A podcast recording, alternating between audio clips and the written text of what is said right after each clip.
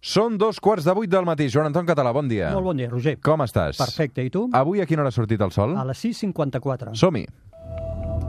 Три, два, один.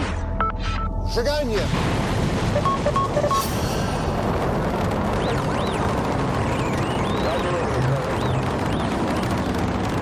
It's one small step for man,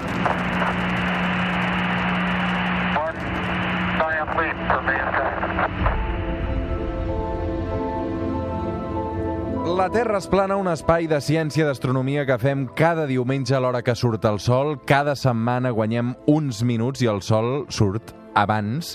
Això vol dir que ens acostem al solstici d'estiu, que això sempre voreja, Joan Anton. Exacte. Sant Joan, no? Sant Joan, cap a Sant Joan, 21-22 de juny. I més o menys allà que surt el sol, a 5 del matí? O Sí, no, ara no ho recordo de memòria, però sí, sí, Quarts de surt així 6, ben 5, aviat. 5 sí, i poc. Sí, sí. Molt bé, tot bé, Joan Anton? Perfecte, tot molt bé. Vinga, uh, som-hi amb els titulars del, del cap de setmana perquè uh, fa uns dies vam llegir que l'Agència Espacial Japonesa JAXA ha anunciat que està practicant, en aquest cas, construir una base lunar de forma remota amb màquines robotitzades. Què vol dir això? Explica-m'ho. Primer que tothom sembla haver-se tornat boig amb la Lluna des de que el Trump va fer l'anunci de quina ara tothom, tothom Hem de fer un anar. capítol tram, eh? Ho tenim sí, pendent. Sí, és veritat, i aquest serà molt interessant també. Donald doncs, Trump va dir que volia tornar a la Lluna i que volia allà expandir la seva base per arribar un dia a Mart i que Exacte. els americans han de ser una altra vegada els capdavanters de la lluita espacial, que també és una lluita de països Tot- tot- tot això. del món mundial, Sí, sí. i a veure qui la té més gran. Exacte, I... I... això vol dir que els seus serveis d'intel·ligència ja sabien que tant xinesos com japonesos, vés a saber si altres, la Índia també, doncs tenen, com aquest cas del Japó, tenen eh, plans molt importants per la Lluna. Japó vol construir una base habitable a la Lluna. Però això és el mateix que vol fer el Trump, no? Sí, sí, sí, absolutament el mateix. Cadascú vol fer la seva base La allà. seva, sí, cada- la pixadeta cadascú la vol posar a la Lluna, el, el fumut serà que la posin al mateix lloc. Una base espacial. Sí, sí, eh, no, no però sobre la superfície, eh? no Sobre en la òrbita, superfície. sobre la superfície. El Trump va dir clarament, a més li va dir a la NASA, on la vol. Ell vol el piset al pol sud de la Lluna, ho va dir. Per No què? Perquè allà hi ha aigua, en els cràters, i ell vol explotar a l'aigua. No es va oblidar de dir que ho volia fer amb energia nuclear. Jo no vaig acabar d'entendre per què ha de fer tant d'èmfasi amb el tema de l'energia nuclear, i allà el van aplaudir. De- Deu haver, òbviament, interessos eh, industrials al darrere d'aquest anunci, i vol explotar els recursos que té el pol sud de la Lluna. Els japonesos també volen eh, posar-hi un, una base, crec que ells no han dit a on, per si de cas, i voldrien tenir-la habitada a l'any 2030, que- la qual cosa els implicaria sobre el 2020, és a dir, d'aquí a molt poquet, començar a fer-hi alguna cosa. Fer-hi alguna cosa vol dir enviar-hi alguna nau, etc. De moment ho estan practicant aquí a la Terra, en una enorme excavadora que l'han robotitzat i han provat que sí, que són capaços que aquesta excavadora tingui una certa autonomia. Pensem que la llum triga, i per tant les senyals de ràdio triguen dos segons anar i tornar a la Lluna, necessiten màquines que puguin tenir una certa autonomia de segons per reaccionar davant d'alguna cosa que els hi passi i aquesta excavadora és el que han estat provant. Realment, la lluita per uh, l'hegemonia de l'espai Sí. Pensàvem que era un capítol que s'havia passat després de la Unió Soviètica, no? de, de la Sí, URSS i, i la lluita als Estats Units, però ara ha tornat amb Ara força. torna, Eh? torna. I per una banda és positiu, perquè el que és la competència doncs, s'impulsa a la cursa espacial, però hi ha, hi ha punts molt, molt preocupants de tot això, molt mm. preocupants. Avui un capítol amb el Joan Anton Català de la Terra Esplana dedicat als robots, robots espacials. Mira, aquest que sentim és el Wall-E. Um, és, de fet, la banda sonora de la pel·lícula de Pixar, d'aquesta pel·lícula que parla sobre un petit robot que fins i tot té sentiments, s'enamora d'un altre en un futur en què els humans han hagut d'abandonar la Terra. Avui els robots, però els robots de, del, del, del, del 2019, com si diguem, eh? Sí. Um, I els que han fet feina ja fins aleshores en l'exploració de, de, de l'espai. Perquè um, hem enviat robots a l'espai, no, Joan Anton? I tant, i tant. Una pila. Una pila. Ja m'agradaria que fossin més, eh? A quins llocs? Mira, eh, n'hem enviat a la Lluna i a Mart. Són els dos únics llocs on n'hem enviat. Mm. Els primers quins van ser? Els primers van ser els de la Lluna, com, com és lògic, i van ser una altra vegada els soviètics, eh, els soviètics a l'època aquesta de la competència a la cursa espacial, que portaven la, la davantera. Tot i que l'home ja havia arribat a la Lluna l'any 69, els soviètics fan arribar a l'any 70 una, una sonda a la Lluna que es diu Lunokhod 1, L'Uno Hot. Sí, que el que fa és obre unes rampes i deix, deix baixar, baixa per allà un petit robot en autonomia, que és el primer enginy que podem enviar fora de la Terra i que té rodes i que es mou i que podríem dir que és... Una mena de robot. R2P2 de Sí. Star Wars? Exacte, una cosa d'aquestes que va funcionar durant 11 mesos. R2D2, perdona, que ara em, em Sí. corregeixen. Uh, Sí. Menys mal que hi ha la Marta aquí que, que, que ens va vigilant. R2D2, exacte, sí, sí. Sí. Uh, molt bé, doncs el, el, el senyor Lombok, o com sí, li dic? el Luno Hot El 1 Luno Hot arriba... a- arriba allà a la, a la Lluna i es dona un tomet de 11 mesos enviant fotografies i dades de la superfície lunar. Per tant, soviètics a l'any 70. El segon torna a ser soviètic. És això que diem, no? Ells tios li van Li foment estaven passant la mà per la cara, aquí, Sí, eh? però aquí a l'home ja havia arribat a la Lluna. Eh? Els americans aquí ja havien derrotat d'alguna forma moralment els, els soviètics, però ells segueixen eh, impassibles en els seus plans i llavors, eh, tres anys després, el 73, Ahà. arriba el Lunokhod 2, que funciona durant 4 mesos. I això ja és un altre rècord, no? L'altre havia funcionat 11 mesos, aquest funciona durant 4 mesos i va recórrer quasi 40 quilòmetres de la superfície de la Lluna. Van tornar mai a la Terra, aquests robots? No, no, no, no. Enviaven les dades i avall. Sí, exacte. Cap dels robots que s'ha enviat, de moment, ni els que ara parlarem a Mart, estan, estem preparats per fer-los tornar. Programats per morir. Programats per morir i embrutar o servir de monument permanent a l'exploració de la humanitat. Tot això pel que fa a la Lluna, però quin va ser el primer robot que va moure's, en aquest cas, en un altre planeta o a Mart? Val, exacte. Aquí tenim a l'altre gran salt, aquí ja són els americans, els que envien el primer eh, robot a Mart i això ho fan a l'any 1977 i es diu Sojourner.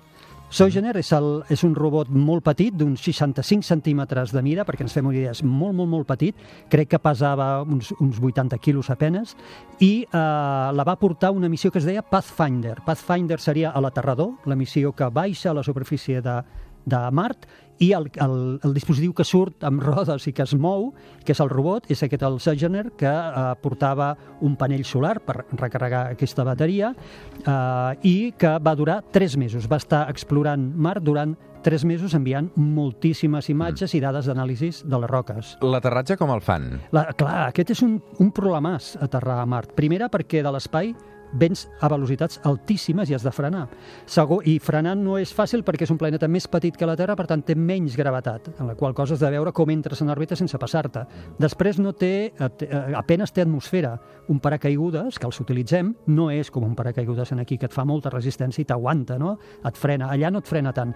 La forma eh, com es va provar en aquí, que s'ha seguit utilitzant després, sem- semblarà molt bèstia ara que t'ho expliqui, Mm. i algú podria dir que és una xapussa, però ha funcionat, és eh, un escut tèrmic inicialment, que ja frena de per si, un paracaigudes que frena i llavors en els últims metres uns airbags per la part de sota que fan rebotar, s'omplen d'aire i fan rebotar a O sigui, una l'oestia. suspensió com de bicicleta, Sí, però a l'oestia, eh? però en format... Eh, o sigui, quan, quan tens un accident amb el cotxe que es dispara... Exacte, però això, imagina't uns globus, uns airbags per la part de sota, es deix caure la sonda que encara té velocitat, que rebota diverses vegades, diverses vegades sobre la superfície de la Lluna, poing, poing, fins que queda finalment immòbil, i en allà s'obre la porteta i surt el robot. Així és com es va enviar aquest robot a l'any 77 i és com se n'han enviat altres en aquest mateix sistema. Mhm. Sens dubte, més recentment, si parlem de Mart, eh, n'hem parlat alguna vegada també en aquest espai, eh, hem de mencionar dos noms propis, l'Spirit i l'Opportunity, no? Sí, aquests són els, els grans herois de l'exploració. Deixa'm, però, dir-te una curiositat, que en els moments del primer robot a Mart, la memòria que portava aquest, el Sojourner, que va ser el, el primer que es Sí. va enviar, la memòria del seu cervell era 60.000 vegades menor que la memòria que ara qualsevol de nosaltres porta en els mòbils. És a dir, eren ordinadors de, bueno, imagina, de la prehistòria, i en això enviàvem robots a Mart. Mm. Molt bé, l'Opportunity i l'Spirit són dos robots bessons, idèntics, absolutament idèntics, que envia la NASA a l'any 2004 arriben a Mart, 2004. I eh, aterren en llocs diferents de la superfície de Mart. Volien explorar llocs diferents. Estaven dissenyats per durar, per viure 3 mesos, un d'ells va viure 6 anys i l'altre va viure 14 anys, que és el que fa poquet hem anunciat la seva mort. Per tant, dos, dos herois, absolut, eh, absolutament herois de l'exploració de Mart. Pesaven 185 quilos, poca broma. Això ja eren robots que vindrien a ser com uns quads de sis rodes eh, mitjans, petits mitjans, 185 quilos, portaven dos panells solars cadascun per recarregar eh, bateria i van eh, aterrar a Mart de la mateixa forma com havia fet el Pathfinder, que ho, ho dèiem abans, escut tèrmic, paracaigudes i uns globus, uns airbags Mm. per rebotar. Què, què hi anaven a fer aquests robots allà? són geòlegs, jo m'agrada dir que són geòlegs, anaven a estudiar la geologia de Mart. I, I són els que han analitzat roques i els que han vist que Mart sí que tenia aigua líquida en superfície. Això ho ha trobat un robot. Això ho han trobat els No ho ha robots. trobat ni un satèl·lit, No, ni... Tots han contribuït. A veure, ah. un descobriment d'aquest normalment no el fa un únic equip. Uh, segurament el, el primer que fa el robot és detectar els primers indicis, però després, òbviament, els satèl·lits que hi tenim en òrbita uh, estudien l'efecte i l'acaben recolzant. Però sí, van ser els robots Opportunity Spirit els que ens ensenyen que Mart Mm. tenia aigua líquida en superfície fa més de 3.500 milions d'anys. Quan acaba la seva missió, un robot? Perquè no sé si es programa ja tenint en compte que durarà 4 mesos i la palmarà, um, si, si n'ha de durar dos i a partir d'aquests dos mesos de més de vida són gratis, Mhm. per tant tot el canvia fantàstic. Sí, a veure, normalment quan diuen que duraran tres mesos és perquè creuen que els components que porten és el que podran sobreviure en les condicions, en aquest cas de fredor... Del fred. I, i de, sí, exacte, de fred i de radiació de l'espai que hi ha a Mart. I és un, una estimació com que hi ha components electrònics, però també n'hi ha mecànics, com les rodes o les suspensions, doncs és el càlcul que fan. Però es curen molt en salut, com veiem es curen molt en salut, perquè de 3 mesos a 6 o 14 anys hi ha una diferència increïble. Quan mor un robot? Pot morir per diverses raons.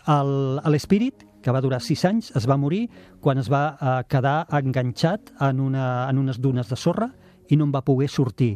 Durant més de sis mesos els científics van estar intentant mm. fer-li fer moviments per sortir, fins i tot van construir una rèplica exacta en una gran sala del robot i de la duna on estava i de, dels entorns i no van poder-lo eh, treure d'allà. Recordo el cas de l'Opportunity, que de fet van dir que, mm, ho dic així, eh, l'havia palmat eh, Sí. fa relativament poc temps, no sé si va ser fa uns mesos, no? sí, fa un sí, parell sí. de mesos, potser. sí el, es va anunciar crec que al desembre la seva mort. Fins i tot la NASA va crear com una mena de llista, no? Spotify, Sí, què va fer? Spotify. Va crear una llista de música rock de, de l'època meva I, i cada dia li enviava a aquestes Quina cançonetes teva? Uh, bueno, la de Led Zeppelin, la de Queen, la de Rolling Stones, Fantàstic. aquestes. Dire Straits, tot això, Dire eh? Straits, sí, sí. Rei de la pista, eh? Eh, Bueno, aquestes no eren justament per ballar, però bueno, aquesta és la que et posava la, la, la, la xupa de cuiro. Eh, doncs, eh, ja m'has despistat una altra vegada. Està molt bé, m'encanta. Anem- Van crear una llista sí, Spotify. una llista Spotify i cada dia li enviaven aquestes cançons a l'Opportunity per despertar-lo. Uh, havia hagut, recordem, una tempesta de sorra global Mhm. a Mart que li havia cobert els panells solars, s'havia quedat sense bateria i no podia recarregar-les. Finalment, els components electrònics no devien poder sobreviure al fred intens de Mart i al cap de com uns sis mesos la NASA el va donar per perdut definitivament. Som al suplement, som a Catalunya Ràdio, això que sona és la Terra és plana. Avui amb el Joan Anton Català, els robots marcians.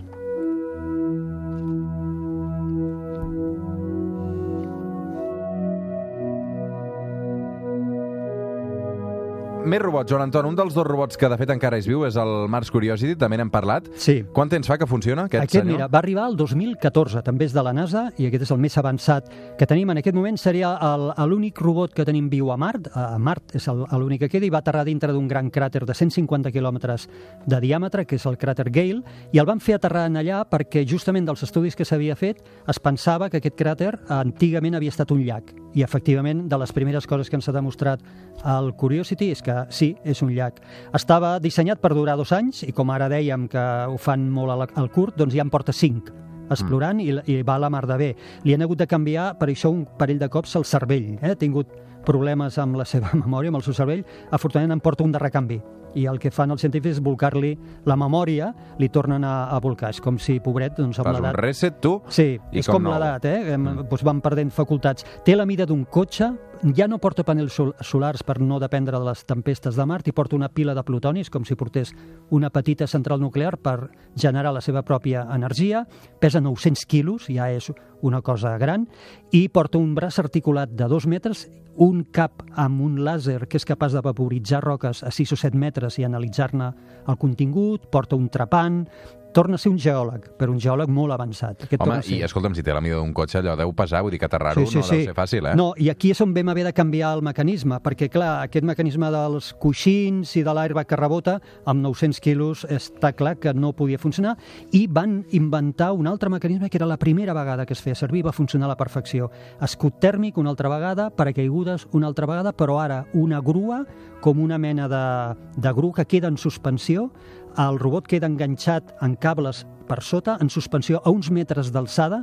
Aquesta grua porta retropropulsors i és capaç de quedar-se immòbil i una vegada s'ha immobilitzat, deix caure, diposita lentament i curosament el robot sobre, sobre la superfície i ell, aquesta grua, es dispara a, a distància per no fer-li mal, diríem, al robot i s'autodestrueix. Mm. Uh, un sistema que ha de funcionar a la perfecció.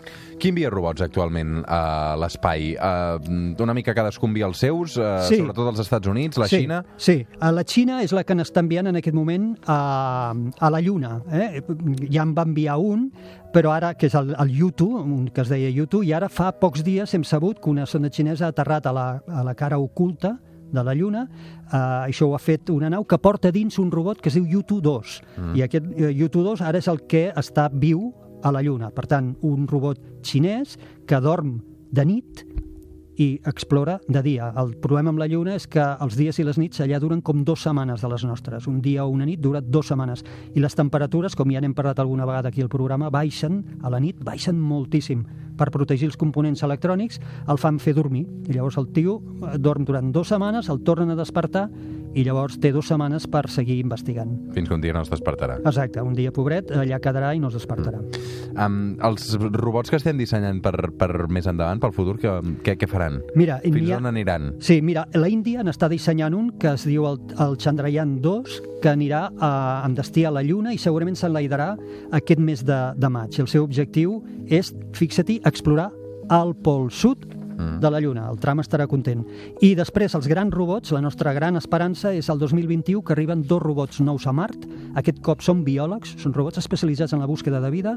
Un l'envia a la NASA i l'altre l'envia a l'Agència Espacial Europea l'any 2021. Tindrem eh, notícies a dojo i tindrem segurament coses molt espectaculars que ens ensenyaran. Doncs Joan Anton Català, mira, avui tenim eleccions espanyoles. Mm. -hmm. De fet, d'aquí una estona obriran els uh, col·legis electorals. Um, ara pensava, dic, la, la, la política espanyola de cara a l'espai, a banda de fins ara hem tingut un ministre um, que era un astrònom. Astrona- astronauta. Uh, veurem, veurem, veurem si repeteix o no repeteix Pedro Duque. Sí. Um, si el PSOE aconsegueix confirmar també totes les enquestes o no, i després pot governar.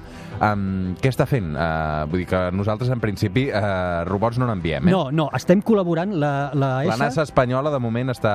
No, però a veure, siguem... Ah. La, la ESA, que és l'Agència Espacial Europea, és un consorci de molts països. Espanya és dins d'aquest consorci i, de fet, contribueix. Hi ha hagut alguna missió en què eh, universitats, fins i tot catalanes, han contribuït a fabricant determinats elements d'aquestes exploracions, eh? no només a Mart, sinó a altres llocs. Per tant, eh, es forma part d'aquest gran consorci. De moment, si aconsegueixen resoldre els problemes de la Terra, eh, Sí. jo crec que de moment ja estan bastant distrets aquí. Sí, sí. Veurem què passa. Uh, aquesta setmana què passarà al cel? Doncs mira, Focs d'artifici o no? Eh, De matinada... Vull dir, segons com acabi avui a la Moncloa, Eh, més d'un tirarà coets. Bueno, sí, i, i no sé si més d'un haurà mirat la carta astral abans per saber, també. per saber Avui què ens hi passarà. fixarem també, Sí. que diu la carta astral. Doncs mira, tenim a Júpiter i Saturn eh, juntets de matinada. Eh, Júpiter ha anat pujant molt d'alçada i Saturn ja comença a veure's molt bé com un puntet per sota de Júpiter Mm. i s'estan posicionant perquè aquest estiu els puguem veure amb telescopis petits la mar de bé. Joan Anton Català, una abraçada ben forta. Igualment, gràcies, Fem una pausa i tornem avui en aquest suplement. Fins ara.